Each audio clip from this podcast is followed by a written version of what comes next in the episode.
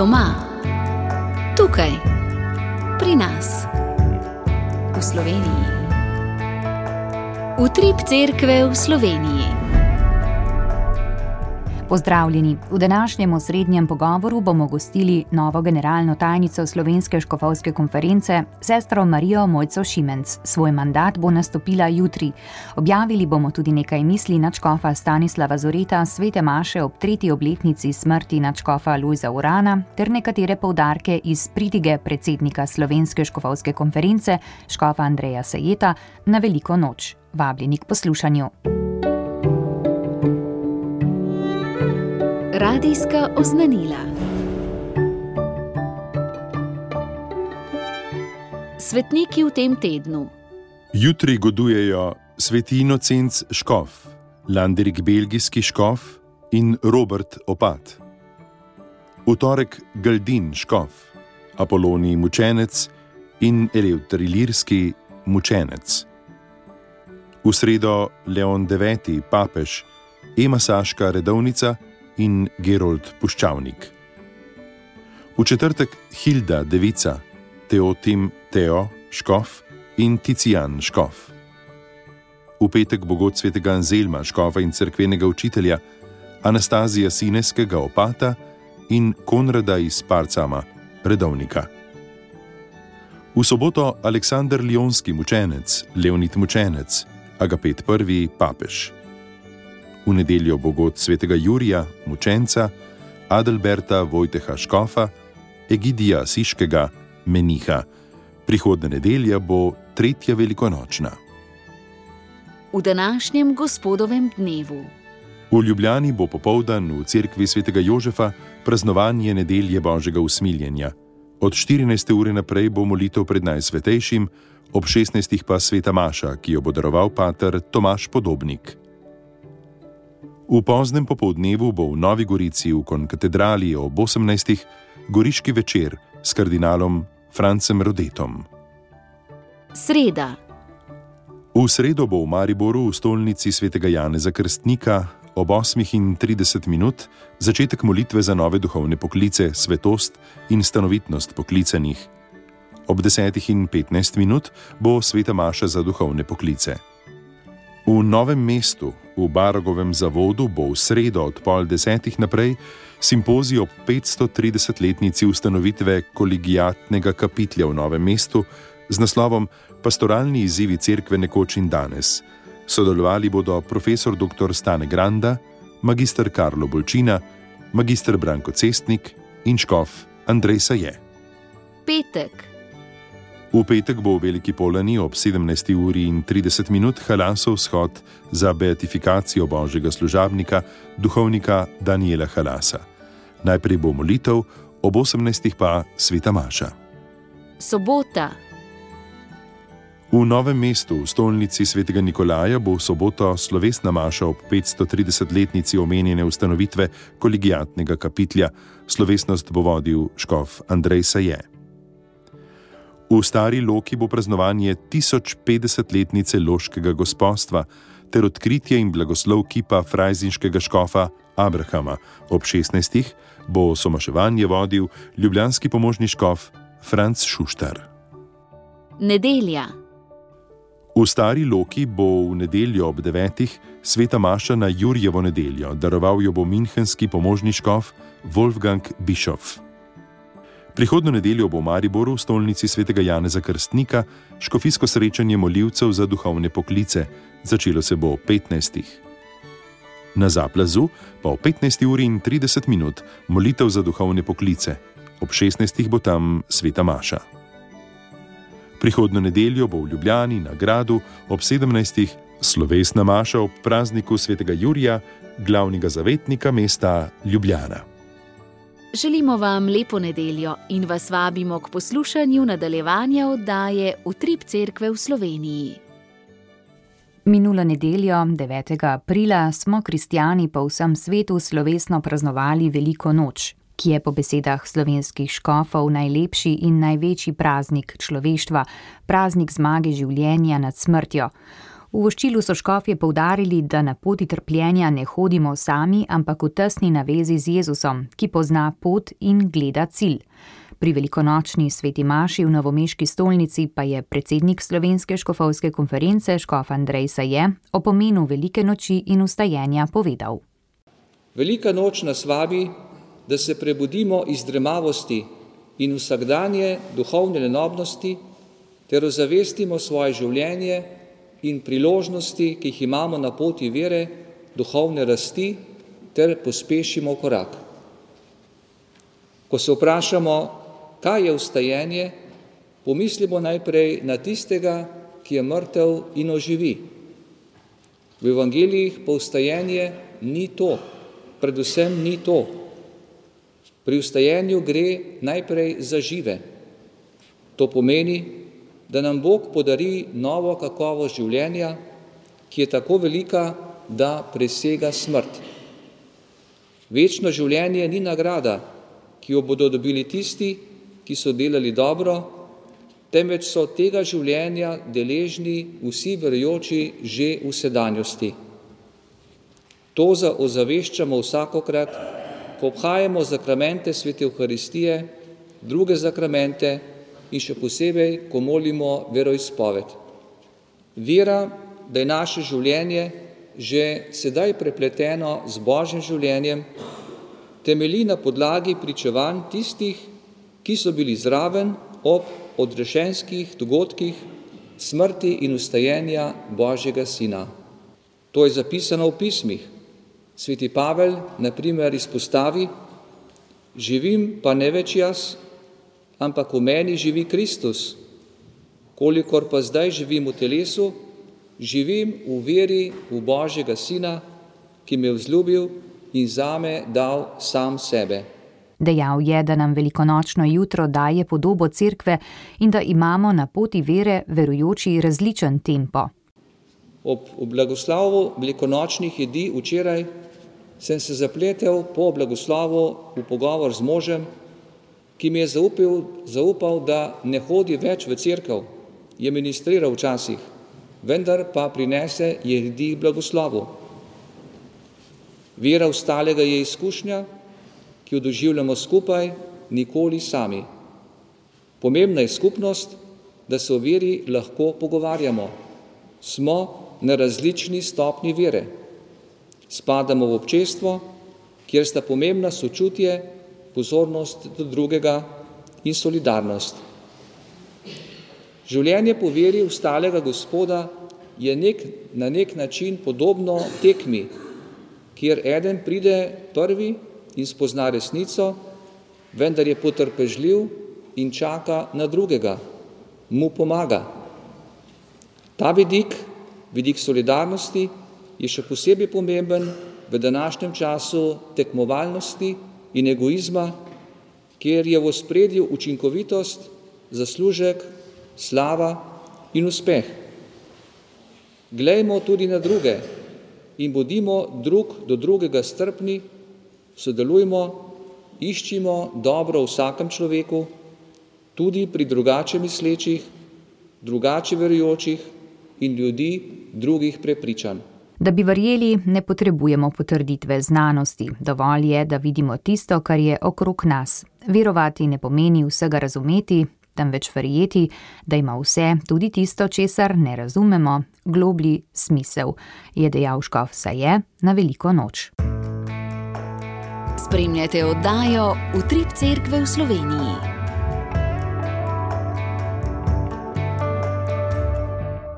Ljubljanski načkov Stanislav Zore pa je v torek 11. aprila na tretjo obletnico smrti načkofa Alojza Urana zandaroval zahvalno svetomašo v Ljubljanski stolnici.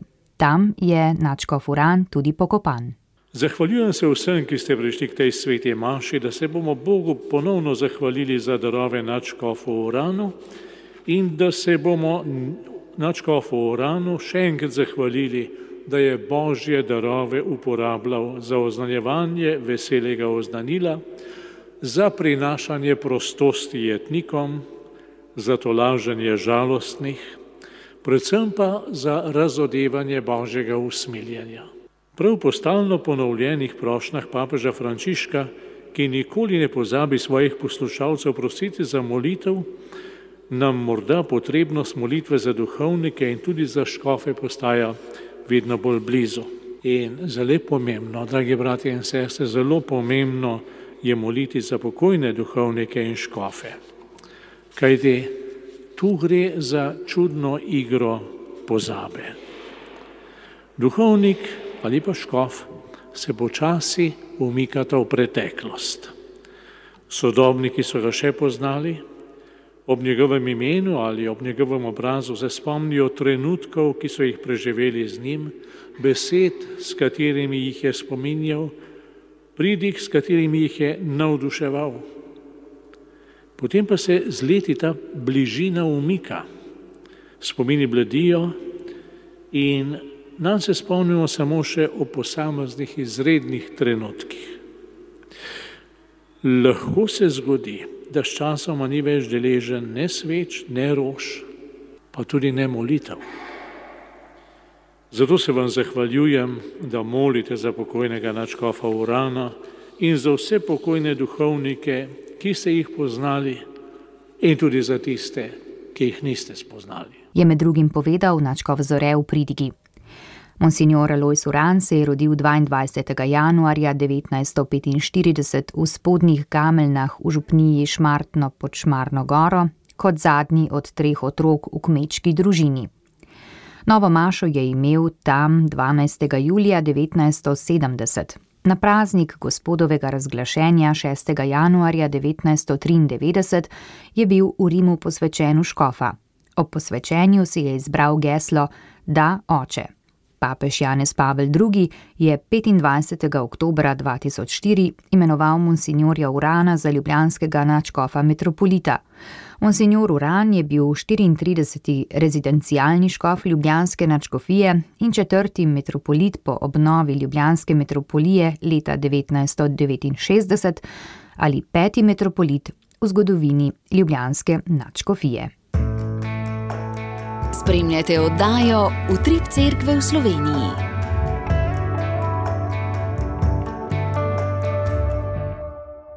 Slovenski škofje so na seji Slovenske škofovske konference 21. decembra lani za generalno tajnico Slovenske škofovske konference imenovali sestro Marijo Mojco Šimenc. Z jutrišnjim dnem oziroma 17. aprilom bo začela svoj petletni mandat. Z tega položaja pa se bo poslovil oziroma se je poslovil generalni tajnik pater dr. Tadej Strehovec. In sestro Marijo Mojco Šimenc smo povabili k pogovoru, da jo še malce bolj spoznamo pred začetkom tega pomembnega poslanstva v cerkvi. Lepo pozdravljeni, dober dan, sestra Mojca. Lepo pozdravljeni, vi in tudi vsi poslušalci Radio Ognišče. Kako ste sprejeli službo generalne tajnice? Že nekaj mesecev je, odkar vemo, da so vam to nalogo dodelili škofje. Kako je do tega pravzaprav prišlo? Ja, sprejela sem jo seveda eh, z velikim presenečenjem. Eh, gotovo je bila to stvar, ki sem jo pričakovala najmanj od vseh ostalih, ker letos, ko zaključujem neko drugo službo v svoji skupnosti, sem vedela, da bo pač se nastopila sprememba okolja in dela. Uh, ampak v mesecu novembru, ko je prišel, uh, prišlo do mene to vprašanje, takrat se mi v skupnosti o tem še nismo pogovarjali, ne, kaj bi delala v bodočnosti. Um, tako da potem se je pri senečanju pridružila tudi razpoložljivost, pa misel, da je to lahko tudi spet nek klic na neko novo pot, uh, ki prinaša nove izzive in ki bo prineslo tudi gotovo veliko lepega. Pogovorila sem se o tem s svojimi predstojnicami in uh, tudi malo premolila, potem pa čez nekaj dni tudi uh, škofu, predsedniku škofovske konference škofu se je tudi dala pozitiven odgovor. Na slovenski škofovski konferenci so v utemeljitvi vašega imenovanja povdarili pisan nabor služb, ki ste jih opravljali in jih še opravljate, drugače ste članica redovne skupnosti Hčera Marije Pomočnice in za vami sta dva mandata predstojnice slovensko-hrvaške inšpektorije Marije Pomočnice. Če se vrneva bolj na začetke. Kdaj ste zaslišali, da vas Bog kliče v redovništvo in zakaj prav Don Boskove Selezijanke? Ja, uh, tako, ta klic se je oblikoval postopoma, ne, ni prišlo to kar naenkrat. Uh, že v našo uh, hišo smo, uh, torej je, so prihajali redovnice, duhovniki, potem tudi mi smo hodili na, na romanja, na razna srečanja, na nove maše kot družina. Uh, posebej se spomnim praznovanja neke Benediktove obletnice v Stični, ko sem tam opazovala tiste menihe in se mi je takrat, zdi se mi, da prvič tako bolj zazdelo, da me ta stvar privlači. Potem pa sem začela hoditi tudi na duhovne vaje, včeraj uh, Marije pomočnice na Bled. Tam se je pa ta misel še bolj jasno pojavila, in potem je bilo včasih jasno, včasih manj jasno, včasih nisem hotela o tem razmišljati. Tako da je bil en tak proces, nekaj leten, da sem se potem pa uh, res odločila za Domboskove Selezijanke. Tako, bile so mi uh, privlačne zaradi veselja, zaradi uh, povezanosti uh, v skupnosti, uh, zaradi načina, kako so nam govorile o Bogu in me je pot pripeljala prav do njih. Ja. In mislim, da tudi zaradi Marije pomočnice, da me je to tudi zelo pritegnilo, prav ta lik Marije. Kaj vas pa pri upravljanju vašega duhovnega poklica najbolj veseli? Ja, najbolj me veseli živeti moj poklic in se vse čas učiti, kako naj ga živim, ker ne, torej mi vidimo delo, ki ga redovnice upravljajo, ampak delo je delo, je nekaj zunanjega. Ne. Zadaj je pa res ena življenjska predanost Bogu, potem eno učenje, kako to živeti v skupnosti, v odnosu s sestrami, in potem tudi, kako nekaj tega podeliti tudi z ljudmi v pastorali, v katehezi ali v nekih drugih dejavnostih. Ne. Tako da vse skupaj je za mene to eno veliko učenje, kako znotraj vsakdanjika živeti z Bogom. Ker ta salezijanski poklic je nekaj zelo zanimivega, ne? ker vidi se samo tisto, kar mi delamo na zunaj, manj opazno je pa to, da za tem je res veliko molitve, je ena taka kontemplativna drža, kjer se res delo pa molitev vse čas uh, povezujeta in predvsem ta pozornost na božjo bližino v vsakdanjem življenju. No, tako da te stvari so mi res všeč. Sestra Mojca Šimenc, kateri so po vašem mnenju izzivi funkcije, na katero stopate in kako želite na nje odgovoriti? Jaz mislim, da je prvi ziv ta kratkoročni, je naučiti se, spred, kako stopiti v dinamiko dela, ne, razumeti, uh, katere so bistvene vsebine, okrog katerih se bo to delo odvijalo, katere so ustanove, s katerimi bomo mi kot pisarna sodelovali. Tudi preživeti prvo sejo škofovske konference, uh, da vidim, kako to je, ne, kako, kako deluje in katere so moje naloge znotraj tega. Uh, izziv ne bo samo za mene, ker se mora potem cela delovna ekipa in, in tudi škofje se bodo pač morali uživeti v to novost, ne, ki prihaja z dejstvom, da bo uh, na mesto doslej tajnika duhovnika, v tem delu tajnica, redovnica. Uh, tako da, uh, ja, torej po eni strani delo, po drugi pa vstopiti v te odnose, v tem okolju ne, in potem uh, se učiti, videti, kako poteka delo znotraj enega delovnega meseca in potem počasi znotraj enega delovnega leta, ne spoznati te ritme, kaj so prioritete, kaj so v kakšnem obdobju bolj uh, dela in tako naprej. Katere vrednote eh, želite zasledovati pri svojem delu kot tajnica Slovenske šofovske konference? Zdi se mi, da bi na prvo mesto postavila vrednoto spoštovanja do vseh prebivalcev Slovenije vernih in nevernih, tako ali drugače mislečih. Tako nekako čutim in doživljam to. Ob tem pa lojalnost in odgovornost v odnosu do cerkve, do škofov, do duhovnikov. Ne. Tako da pač želim delovati v duhu slovenske škofovske konference, se pravi v duhu tega, kar crkva uči. Tukaj bom morala tudi še bolj se poglobiti v dokumente crkvenega učiteljstva, jih razumeti, da bi znali res jih pri našem delu uporabljati tako, da bodo koristni, razumljivi za ljudi. Uh, sicer pa mislim, da uh, je pomembno negovati sodelovanje z vsemi subjekti, s katerimi je naša pisarna uh, povezana, crkvenimi in civilnimi. Mandat vsakega od vaših predhodnikov, bili so to najprej dr. Anton Štrukelj, na to dr. Andrej Saje, ki je danes predsednik SŠK in Novomeški škov in do sedaj tudi dr. Tadej Strehovec, ki ga boste vi nasledili. Njihove mandate je v odnosu do države, do družbe, do medijev zaznamovalo prav točno določeno vprašanje, tematika. Od samih osamosvojitvenih začetkov naše države, odnosa vlade do verskih skupnosti, do spolnih zlorab v cerkvi in do poskusov razvrednotenja družine, vrednote življenja, od spočetja do naravne smrti. Eh, in še bi lahko naštevali. Kako pomembna so po vašem mnenju ta vprašanja za crkv v družbi danes? Uh, ta vprašanja so pomembna. Ne? So pomembna za kar širok krok ljudi, ker zadevajo družbene vrednote, o katerih uh, verniki, pa ne samo verniki, uh, v kateri zaupamo. Na teh vrednotah gradimo svoje skupnosti in tudi osebne odločitve. Ne? to je en vidik. Se pravi, ta vprašanja so pomembna. Druga stvar pa je, da mi ljudje smo tako včasih malo osko gledamo na stvari, ali pa smo zelo pogojeni od trenutka ali pa od okolja, v katerem živimo. Uh, in tudi včasih uh, svojo željo, potem, da bi stvari izboljševali, uh, izražamo tako, da odpiramo vprašanja, ki pa v resnici uh, lahko burijo duhove ali pa razdvajajo. In se potem nekako ne uspejo rešiti, prav zato, ker se ustvarja neka polarizacija. Ne.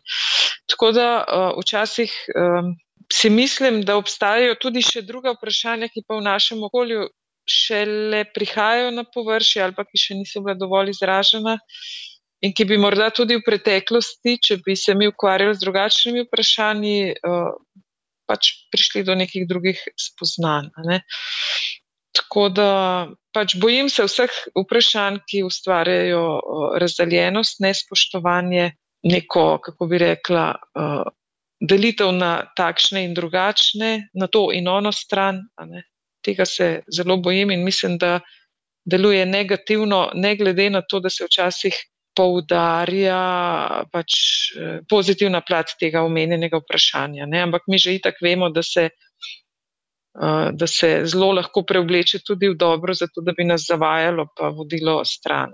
Tako da to, to jaz čutim, da je tukaj neka, nek dvorezen meč in da moramo biti previdni. Mogoče še zadnje vprašanje, sestra Mojca Šimenc. Kako vidite pot prihodnosti cerkve na slovenskem v luči sinode, v kateri smo? Torej poslušanja drug drugega in sodelovanja. Ali ni ta pot morda tvegana, ko se ljudje odpremo in pride do veliko številnih mnen, lahko pridejo na dan vseh vrst predlogi, kaj nam lahko pa po drugi strani ta sinodalna pot prinese pozitivnega? Ja, sinodalna pot je prav pot, se pravi, to ni nekaj, kar pritisnemo na gumb, pa se stvari zgodijo. O, je proces, ne? zato tudi trenutek, neka faza, nek moment, ko se ljudje odprejo in ko povejo, kaj mislijo, in pridejo na dan neke stvari, je del te poti. Ne? ne sme pa ostati samo pri tem, se pravi, moramo potem od te, tega še narediti nekaj korakov naprej ker eh, strah pred tem, da bi se ljudje odprli, je tudi malo uh, dokaj tipičen za ta naša področja, recimo postkomunistična, ko je še nekje nekaj en delček nesvobode ali pa tendence, da ne bi bili res pluralni. Ne, in neka prikrita težnja, da bi morali še vedno vsi razmišljati enako. Um, ampak tako, to bomo počasi prerasli. Prihodnost je v poglobitvi evangelija, v razumevanju in posredovanju evangelija, tako da, da bi nagovoril človeka tega časa v prostora. Prihodnost je v poslušanju, v dialogu. In mislim, da tega že tudi veliko je, posebno v lokalnih skupnostih. In morda ni v medijih tako predstavljeno, ni tako pogosto pač omenjeno, ampak tega je, tega je precej. Sinodalna pot uh, nam je pokazala neko približno sliko stanja v naši cerkvi, ampak uh, mislim, da papež ni želel samo tega, torej, da mi, uh, ko je odprl ta sinodalni proces v cerkvi, da se mi zdaj mal pogovorimo, pa da to nekaj napišemo in da to je to. Ampak da od tega, kar zdaj ugotovimo v pogovorih, skušamo razmišljati, katere poti bi morali odpirati za naprej. Tako da mislim, da smo sredi procesa in upam, da se bo ta proces nadaljeval. Ob tem se tudi vam zahvaljujemo, sestra Marija Mojca Šimenc, za te besede in za čas, ki ste si ga vzeli, ter se veselimo sodelovanja z vami v nadaljevanju in vam želimo vse dobro in veliko blagoslova ob vašem poslanstvu, generalne tajnice Slovenske škofovske konference. Ja, hvala lepa in lepo zdrav vsem. Pogovor in oddajo v Trip Cerkve v Sloveniji sem pripravila Petra Stopar. Voščim vam blagoslovljeno Belo nedeljo. Oddaja vam je na voljo tudi med podcasti in v našem audio arhivu. Obiščite radio.ognisce.si.